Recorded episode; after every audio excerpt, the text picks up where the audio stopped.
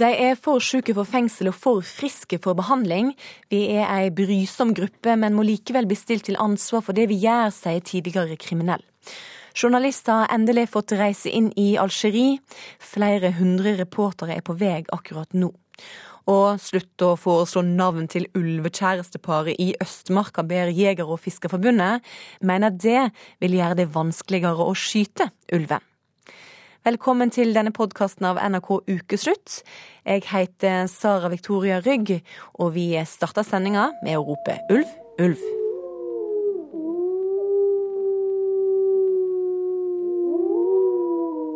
Et ulvekjærestepar har eh, slått seg ned i hovedstaden, og det har skapt debatt denne veka.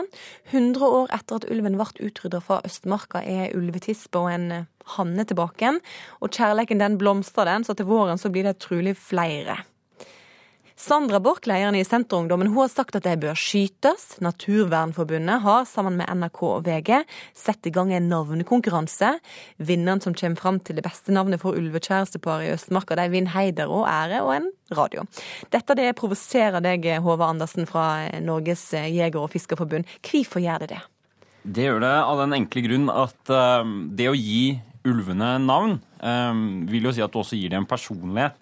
Eh, og vi mener det er med på å lage et eh, Disneyland eh, i norsk skog som vi ikke vil være bekjent av. Vi mener jo dette er respektløst overfor de som lever med ulv i sitt nærområde. Dette er jo ikke sånn at man velger. Dette er det jo politikere som har valgt at ulven skal bo i min hage eller i din hage. Og hvis jeg da i tillegg skulle være redd for ulven eller ha ha andre interesser som gjør at ulv er en belastning for meg, så mener vi det er respektløst og overfor dem og i det hele tatt eh, begi seg ut på en, hva vi mener er en fordumming av hele debatten. Vi blir jo ikke mer redd for ulven hvis den får et navn. Vi ble ikke redd for eh, Julius når han fikk navn, eller isbjørn Knut når han fikk navn, f.eks. Nei, og, og, og, jeg ser jo også at uh, dette her med, med, frykt det er jo heller ikke rasjonelt. Sånn at noen er redd for edderkopper, noen er redd for ulv. Uh, vi skal ikke latterliggjøre frykt uh, på noen måte. Uh, og det man gjør ved at man uh, gir disse ulvene navn, er at du lager deg en maskot. dette er jo med på å ufarliggjøre ulven, selvfølgelig. Og vi skal ikke glemme at ulven først og fremst er et rovdyr. dette er et rovdyr som lever av, av å ta ned elg. Elg som veier opp mot 400 kg. Eh, jeg har ikke prøvd å, å, brekke en elg ned i lyngen sjøl, men det sier seg selv at hvis du er i stand til det, så er du ikke ufarlig, sånn som Naturvernforbundet sier at de er. Og, og maskoter, som du sier, det er vanskelig å skyte? Det er vanskeligere å skyte en maskot. Og, og si at de eh, for ordens skyld da, så gir vi de navnene Harald og Sonja. Eh, og så viser det seg i etterkant at disse Uh, ulvene uh, av en eller annen grunn skal fjernes, og da fortrinnsvis ved jakt, da, som jo vi mener. Ehm, så er det jo ingen som vil gjøre seg til morder. For det er det du blir da, morder av Harald og Sonja. Det er ingen som eh, si, vil gjøre seg bekjent av det heller. Men eh, bare først og fremst, så hvis jeg kan ta Jeger- og Fiskerforbundets ståsted, og det er først og fremst at vi ønsker, eller altså vi aksepterer at det er ulv eh, i norsk natur. bare sånn at vi er klare på det. Men ikke ulv med navn. Lars Haltbrekken, leder for Naturvernforbundet. Vi hører her at du gjør jobben til eh, Jeger- og Fiskerforbundet vanskelig når du, når du begynner nå å sette i gang en navnekonkurranse. Hvorfor, sammen med NRK og VG, gir du ulven navn? Det er ikke bra at vi gjør jobben for jegerne vanskeligere. Da. Eh, det er jo ikke sånn at eh, ulven i Norge har for sterk beskyttelse. Tvert imot. Den har altfor svak beskyttelse. Og så er jo selvfølgelig navnekonkurransen en morsom gimmick. Eh, og disnifisering, ja, OK. Men det er en måte å feire at vi faktisk har fått ulv i Oslomarka. Oslomarka er et av de få områdene hvor ulven har lov til å være og uh, oppholde seg og få unger i uh, Norge. Uh, og vi har lenge ønska å få ulv i Oslomarka, og nå får vi det. Da feirer vi det, og så får vi også en navnekonkurranse. og hvis Jeger og Fisk er så forferdelig bekymra for at ulven skal hete Harald eller Sonja eller Håkon eller Mette-Marit, så kan de jo levere inn noen forslag sjøl. De kan jo foreslå død og fordervelse, eller død og pine, eller pest og kolera. Så får vi se om det det når opp. Men det som er viktig for oss, eh, er jo å få fram budskapet om hvilken rolle ulven faktisk har i norsk natur. For den er jo ikke bare et symbol, men den spiller en rolle i eh, naturen. Den er med på å regulere hjortebestanden. På Varangerhalvøya, helt nord i Norge, så har vi utrydda rovdyrene. Det har ført til at vi har fått en voldsom oppblomstring av rødrevbestanden, som da truer fjellreven. Eh, og så må menneskene gå inn og overta rovdyrene eh, sin rolle. Sånn at ulven og andre rovdyr har en rolle å spille i norsk natur. Og Derfor så finner vi grunn til å feire at den har kommet hit til Oslo. Og vi får et nærmere forhold til ulven, og kanskje mer forståelig forhold til ulven dersom ulven har et navn. Hva tenker du, Blir det enklere å skyte pest eh, eller kolera? Nei, altså, Jeg tror ikke det blir enklere så lenge du har navn på dem. Så har du, så har du gjort disse til borgere av skogen. Eh, og jeg ser det brukes begrep som pappaulv og mammaulv som eh, hodestups forelskelse, løper inn i skogen og danser osv. Eh, dette er jo Disneyland, sånn vi ser det, eh, og har jo veldig lite med virkeligheten å gjøre. og er en sånn dette er å skape et eventyr av noe som overhodet ikke er et eventyr. Igjen, dette er ville dyr. Uh, og, og, og, Haltbrekken her sier at uh, de har ikke for sterk beskyttelse, men det er en gang sånn at det er jo et samla storting som står bak et rovviltforlik, og et rovviltforlik som vi forholder oss til. Og akkurat det rovviltforliket sier jo at Oslomarka er et av de få områdene i Norge hvor ulven skal få lov til å være. Eh, og da syns vi det er litt utrolig at den første reaksjonen til Jeger- og Fiskerforbundet når ulven da kommer til Oslomarka, er hvordan kan vi få lagt fingeren fortest mulig på avtrekkeren, sånn at vi kan få kverka dette dyret. Nei, det er, det er overhodet ikke det vi sier. Uh, ulven har en like naturlig plass i Østmarka som den har i Kongsvinger, som også er en del av uh, ulvesona, som den jo heter på folkemunne. Sånn at det vi sier, er ikke at ulven ikke er velkommen i, i Østmarka, for å bruke dine ord. Eh, det vi ikke ønsker velkommen, er at den heter Harald eller Sonja. Pga. at da blir det vanskeligere for dere å ta livet av en, som det virker som at dere egentlig eh, ønsker. Men igjen, dere får foreslå død og fordervelse, så kanskje det blir det navnet. Men, men Haltbrekken, eh, hva med de som bor i eventyrskogen, som du nå, nå skaper ifølge Jeger- og Fiskerforbundet? Hva med de som er redd for Sonja og Harald? Folks frykt uh, i forhold til rovdyr uh, skal vi ta på alvor. Men jeg tror nok at man kan komme ganske langt med mer kunnskap. Og det som er viktig å bruke denne anledningen til, er jo nettopp å spre kunnskapen om rovdyr. Det er nok de færreste av oss som kommer til å være forunt og få sett ulven. Noen av oss vil kanskje være så heldige å få sett spor av ulven, men ulven holder seg nok stort sett unna oss mennesker og er i liten grad farlig for oss. Albinoelgen Jørgen Albin fikk jo òg navn og var en ordentlig yngling, men han ble jo skutt. Ja, han ble det. Så det er jo ikke trygt bare fordi du har et navn? Nei, det er ikke trygt bare fordi at du har eh, et navn. Og denne navnekonkurransen er selvfølgelig en gimmick eh, for å feire at ulven er her. Eh, men igjen, ulven har for svak beskyttelse i Norge. Dette er et ulvepar som er i Oslomarka. De har fått oppholdstillatelse her. Alle papirer er i orden. La oss nå gi dem fred, så kan vi kanskje få oppleve et valpekull til våren. Og Her er vi enige med Haltbrekken. La oss la dem være i fred. Vi ønsker ikke å, bidra til å, heve et allerede ganske høyt konfliktnivå. Her er det flere aktører som jo er med å løpe med bensin bort til et bål som brenner ganske godt av seg selv. Sånn at uh, jeg syns ikke vi skal, skal bidra til å løfte dette her enda mer enn det vi trenger. Du er jo ekstra sint på, på NRK og VG for at de har blanda seg inn i navnkonkurransen. Hvorfor det? Nei, altså her er det jo for det første um, så, så, kan vi jo ta dette med at uh, jeg skjønner helt og fullt ut at uh, Naturvernforbundet har en agenda. Uh, og vi stiller oss mye mer undrende til hva NRKs rolle oppi dette er. Hva er NRKs rolle som statskanal? når de da så soleklart lar seg bruke Dette er hodeløst av NRK, i beste fall. Og de eh, eh, tar da reelt sett side i en sak som er av en politisk art, som ikke bare er nasjonalt, men internasjonalt. Vi har europeiske konvensjoner som som, eh, som, styrer dette her. Dvs. si at NRK og VG for den saks skyld eh, steller seg på den ene siden og lar seg bruke i en agenda som jeg ikke tror de har tenkt gjennom. Her kommer det kritikk mot NRK, og derfor er jeg glad vi har ringt deg, Otto Haug. Du er distriktsredaktør for Østlandssendinga her i NRK. Eh, hvorfor blander NRK seg inn i navneleiken? Jo, Grunnen til dette er at nå har det endelig kommet et av de store rovdyrene inn i skogsområdene rundt Oslo. Det er noe vi som har brukt disse områdene i alle år, alltid har drømt om.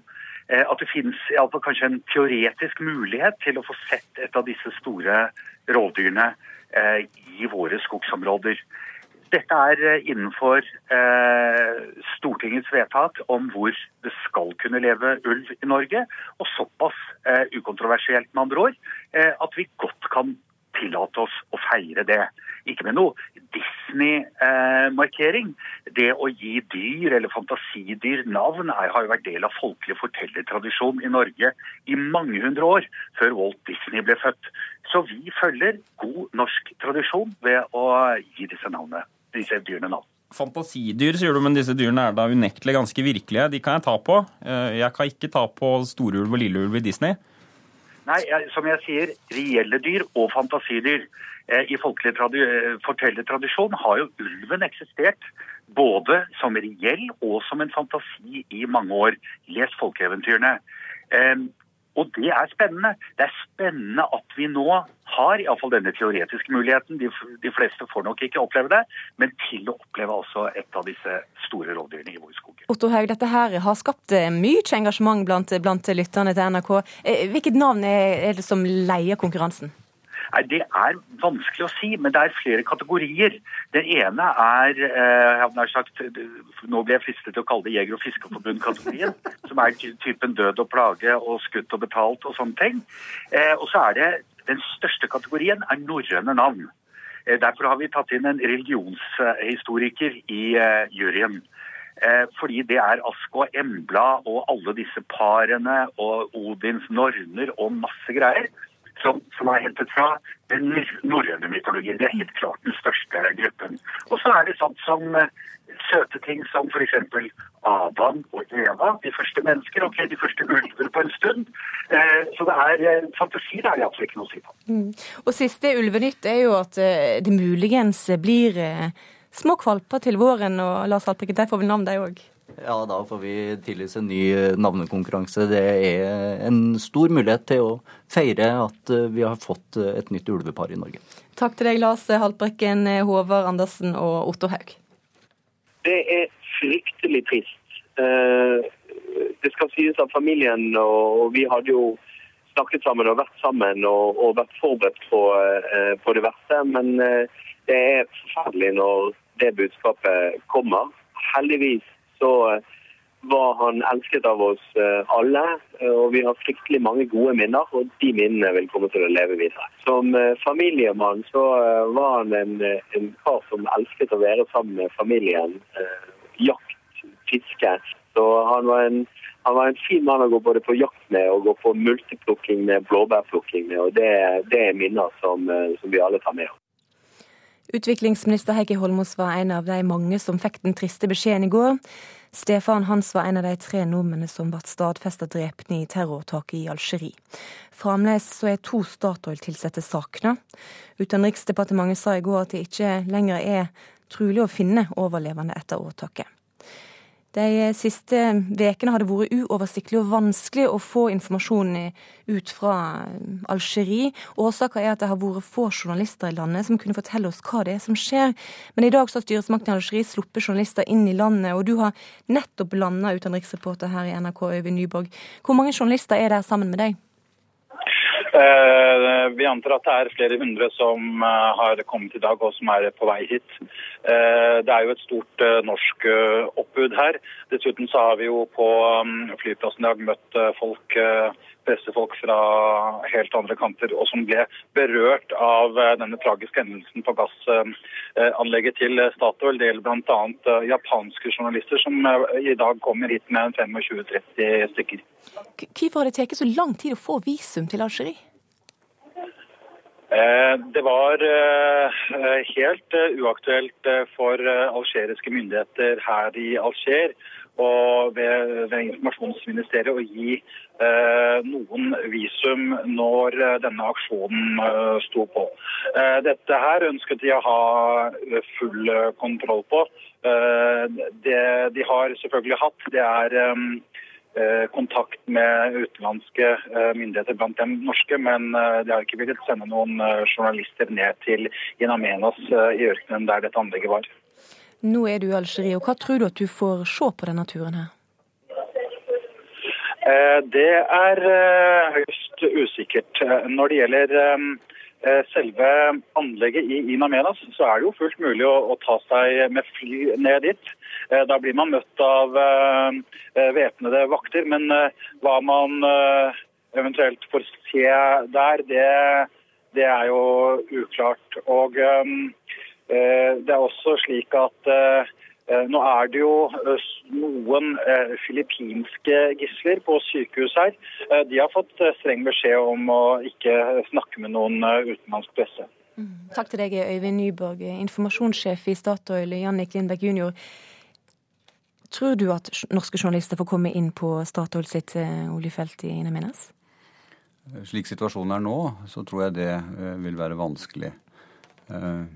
Det er avhengig av at sikkerheten eh, til de som skal reise dit, eh, er ivaretatt. Og eh, akkurat nå er situasjonen litt uklar. Mm. Hva tanker har Statoil om tryggleiken til f.eks. norske journalister som er i Algerie? Vi er jo selvfølgelig opptatt av deres sikkerhet, og vil ikke kunne foreslå et opplegg som ikke ivaretar det. Mm. Men kommer Statoil til å legge til rette for å, å, å se noe?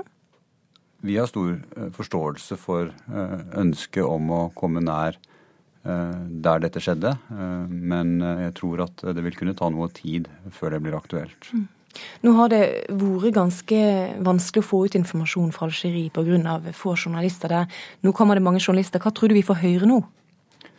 Det er bra at journalistene får mulighet til å dekke dette direkte og kunne rapportere hjem, slik at det blir åpenhet rundt de forhold som har eh, utspilt seg. Eh, men det er vanskelig å si hvilke arbeidsvilkår de, de har. Fra Statoils side så vil vi prøve å møte dem og, og lytte til deres behov og, og, komme i dialog med dem direkte. Mm. I går så kom den triste nyheten om at tre av dine kollegaer er stadfesta omkomne. UD sa at nå er det ikke lenger trolig at vi finner overlevende etter dette åtaket. Hva vet du om de to som fremdeles er savna? Det er for tidlig å si. Eh, dette er jo en forferdelig situasjon for de som fortsatt lever i uvisshet. Eh, men eh, det pågår et arbeid, og vi håper jo at det skal bringe klarhet raskt, slik at familiene kan få svar. Mm, vi hørte Heikki Holmås si at dette her var veldig vanskelig for familien. Hvordan tar Statoil vare på de som får denne her beskjeden nå?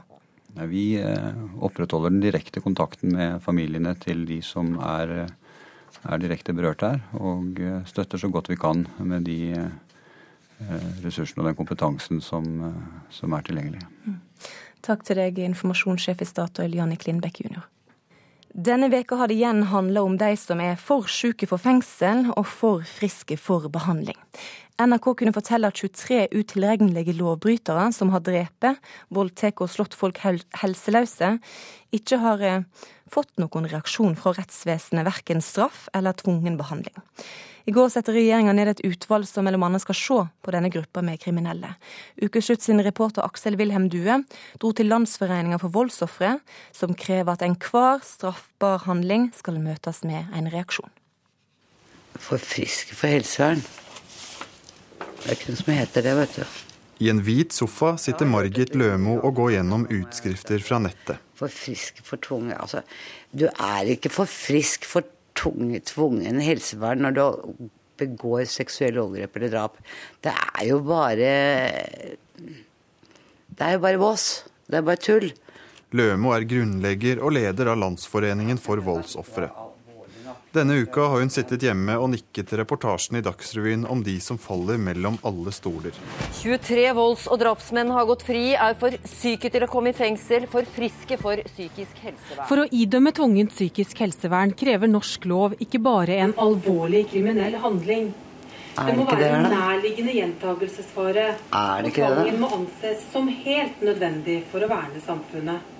Hvis ikke det kriteriene er oppfylt, hva var det første du tenkte da du, da du så saken? Jeg tenkte det at det har man ikke forstått noe ennå. Jeg ble ganske sjokkert. I 35 år har Lømo hørt historiene til de som er ofre for vold. Også fra de som har opplevd at gjerningsmannen har sluppet fri fordi vedkommende er for syk for fengsel og for frisk for psykisk helsevern.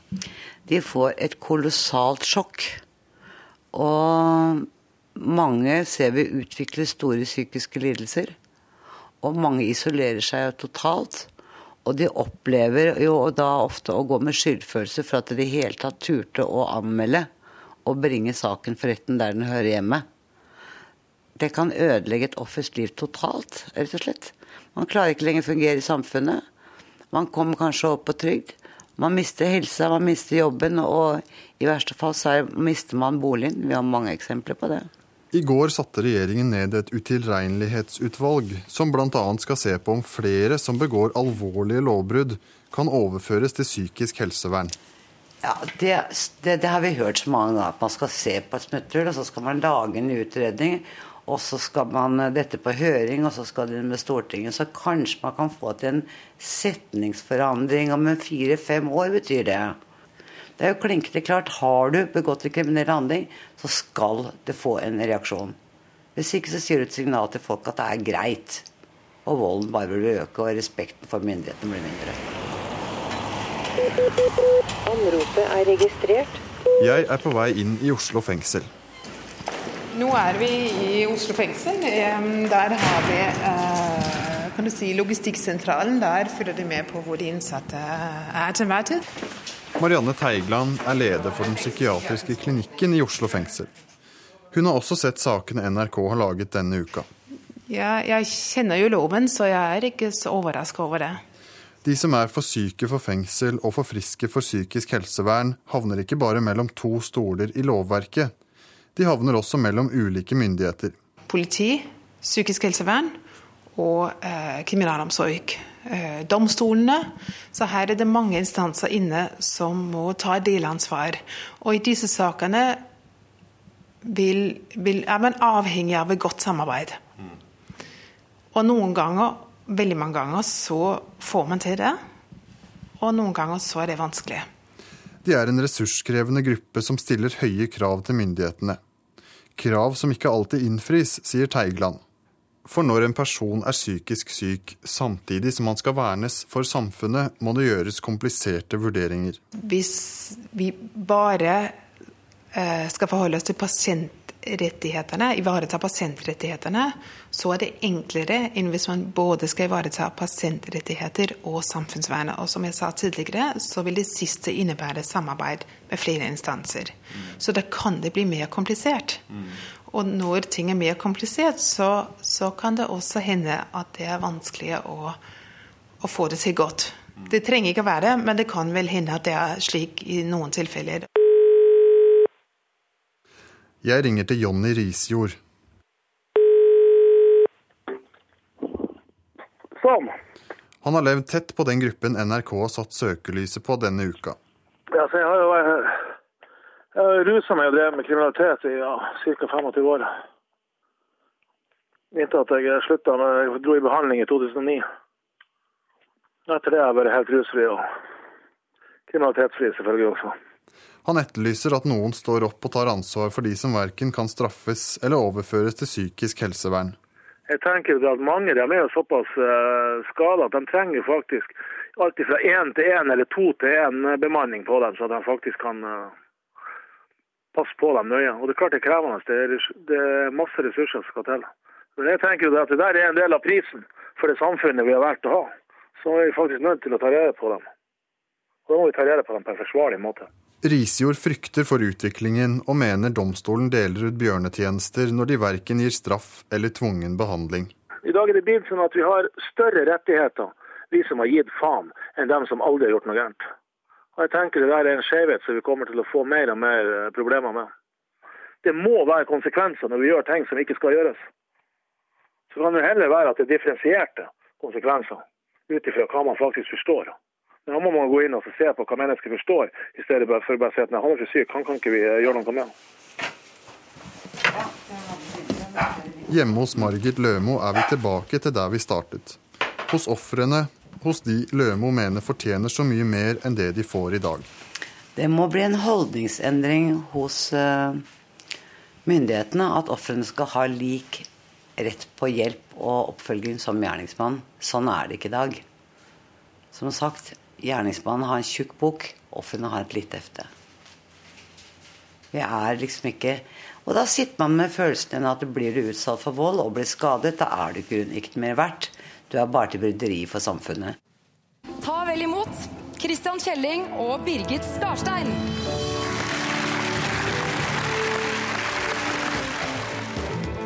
Du gikk. Ja. Hva, eh, eh hva, hva, skjedde, holdt jeg på å si? Det, det, det var altså en, en robot? Ja, det er en robot som, eh, som sitter helt ifra nederst på tærne og hele veien opp til brystet. Så har du den på deg som en sånn slags drakt. Eh, og så går den. Eller jeg styrer den, da.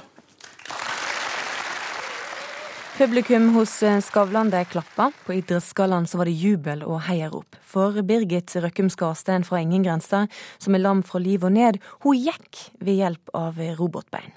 Men det var ikke bare heiarop. Mange reagerte på stuntet, og mange av de tilhører handikap-miljøet. Birgit Røkkum Skarstein, hva sa de som reagerte på robotbeinstuntet ditt? Det var mange som uh, mente at uh, det var feil sted. Det var noen som mente at det ikke var riktig å ta i bruk den type teknologi foran mange mennesker. og det var mange som var redd for det at det skulle bli en, en standard, at det skulle bli riktig å gå det skulle være mer riktig å gå enn det skulle være å sitte i rullestol. Og at det skulle sende feil signal at jeg gjorde det. Var det, var det noen som mente at du kanskje ikke aksepterte eh, det å sitte i rullestol? Ja, det var noen som mente at jeg ikke kunne ha det veldig godt med meg sjøl, i og med at jeg prøvde å gå.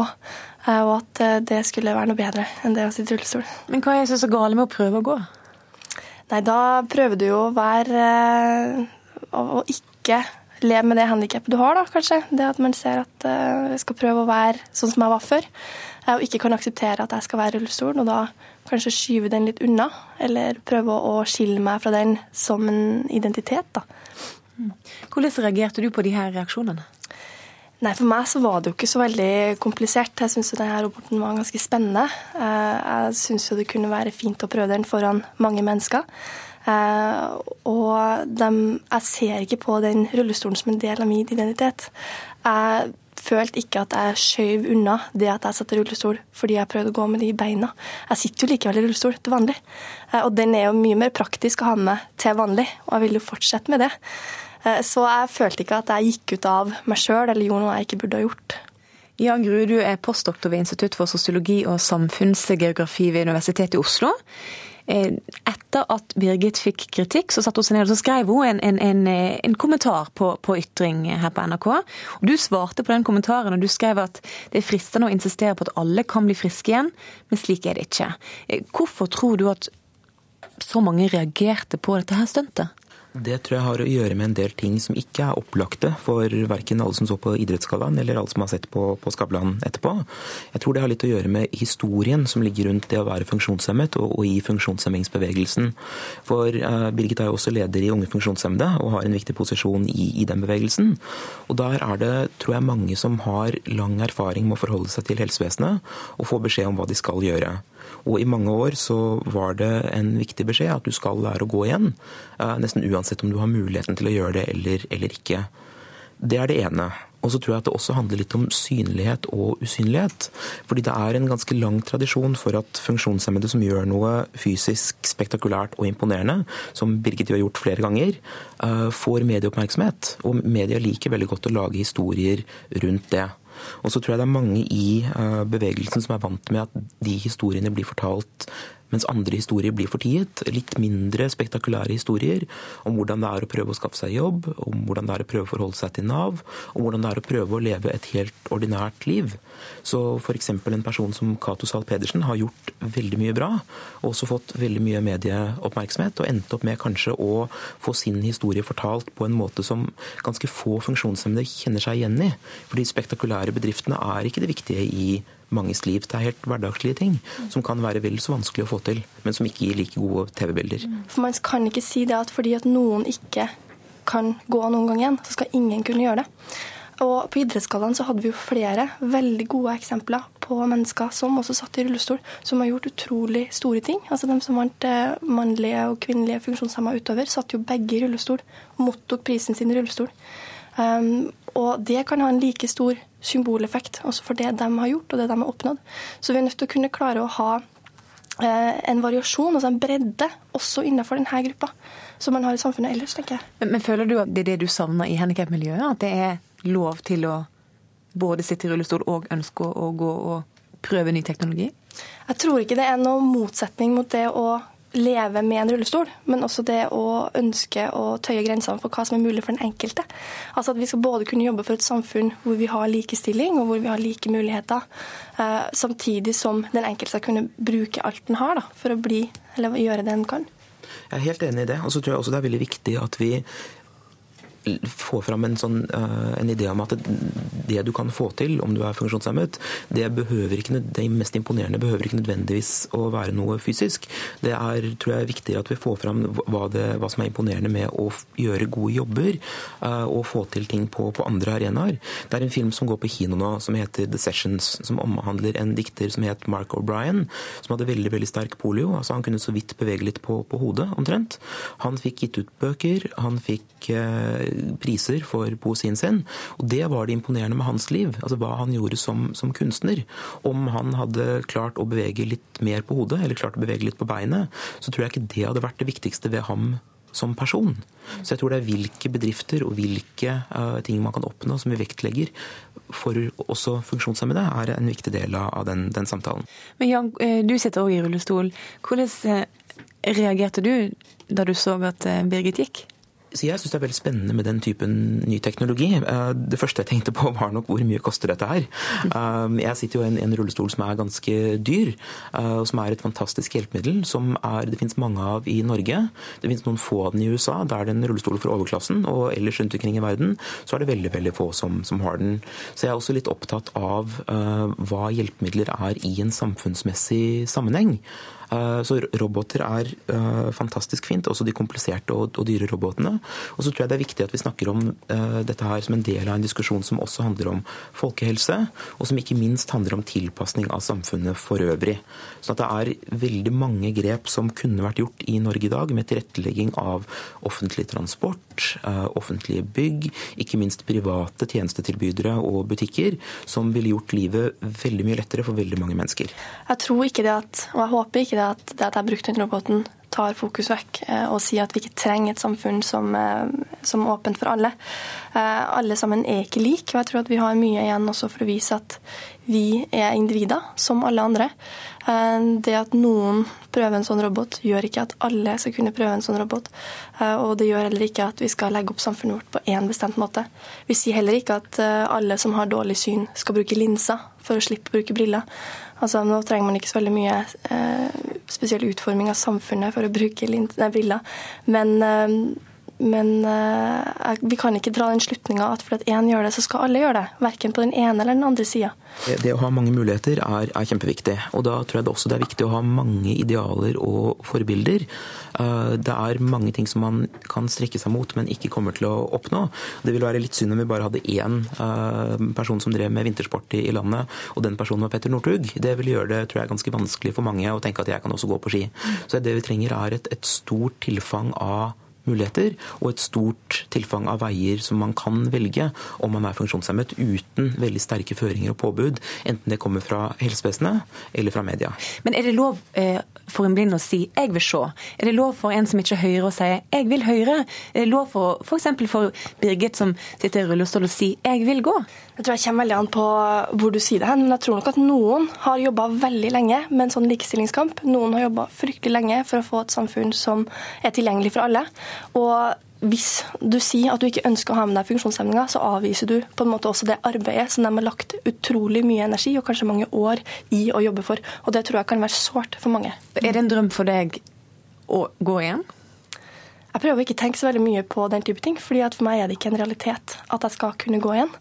Um, men jeg ønsker å teste ut forskjellige måter å bevege meg på. Og hvis det kommer ny teknologi, så er jeg ikke fremmed for å prøve det i hele tatt. Det syns jeg bare er spennende. Takk til deg, Birgit Røkkum Skarstein og, og Jan Grue. Du har hørt denne podkasten av NRK Ukeslutt. Ansvarlig for sendinga det var Kari Li. Erik Sandbråten styrte teknikken. Og jeg heter Sara Victoria Rygg.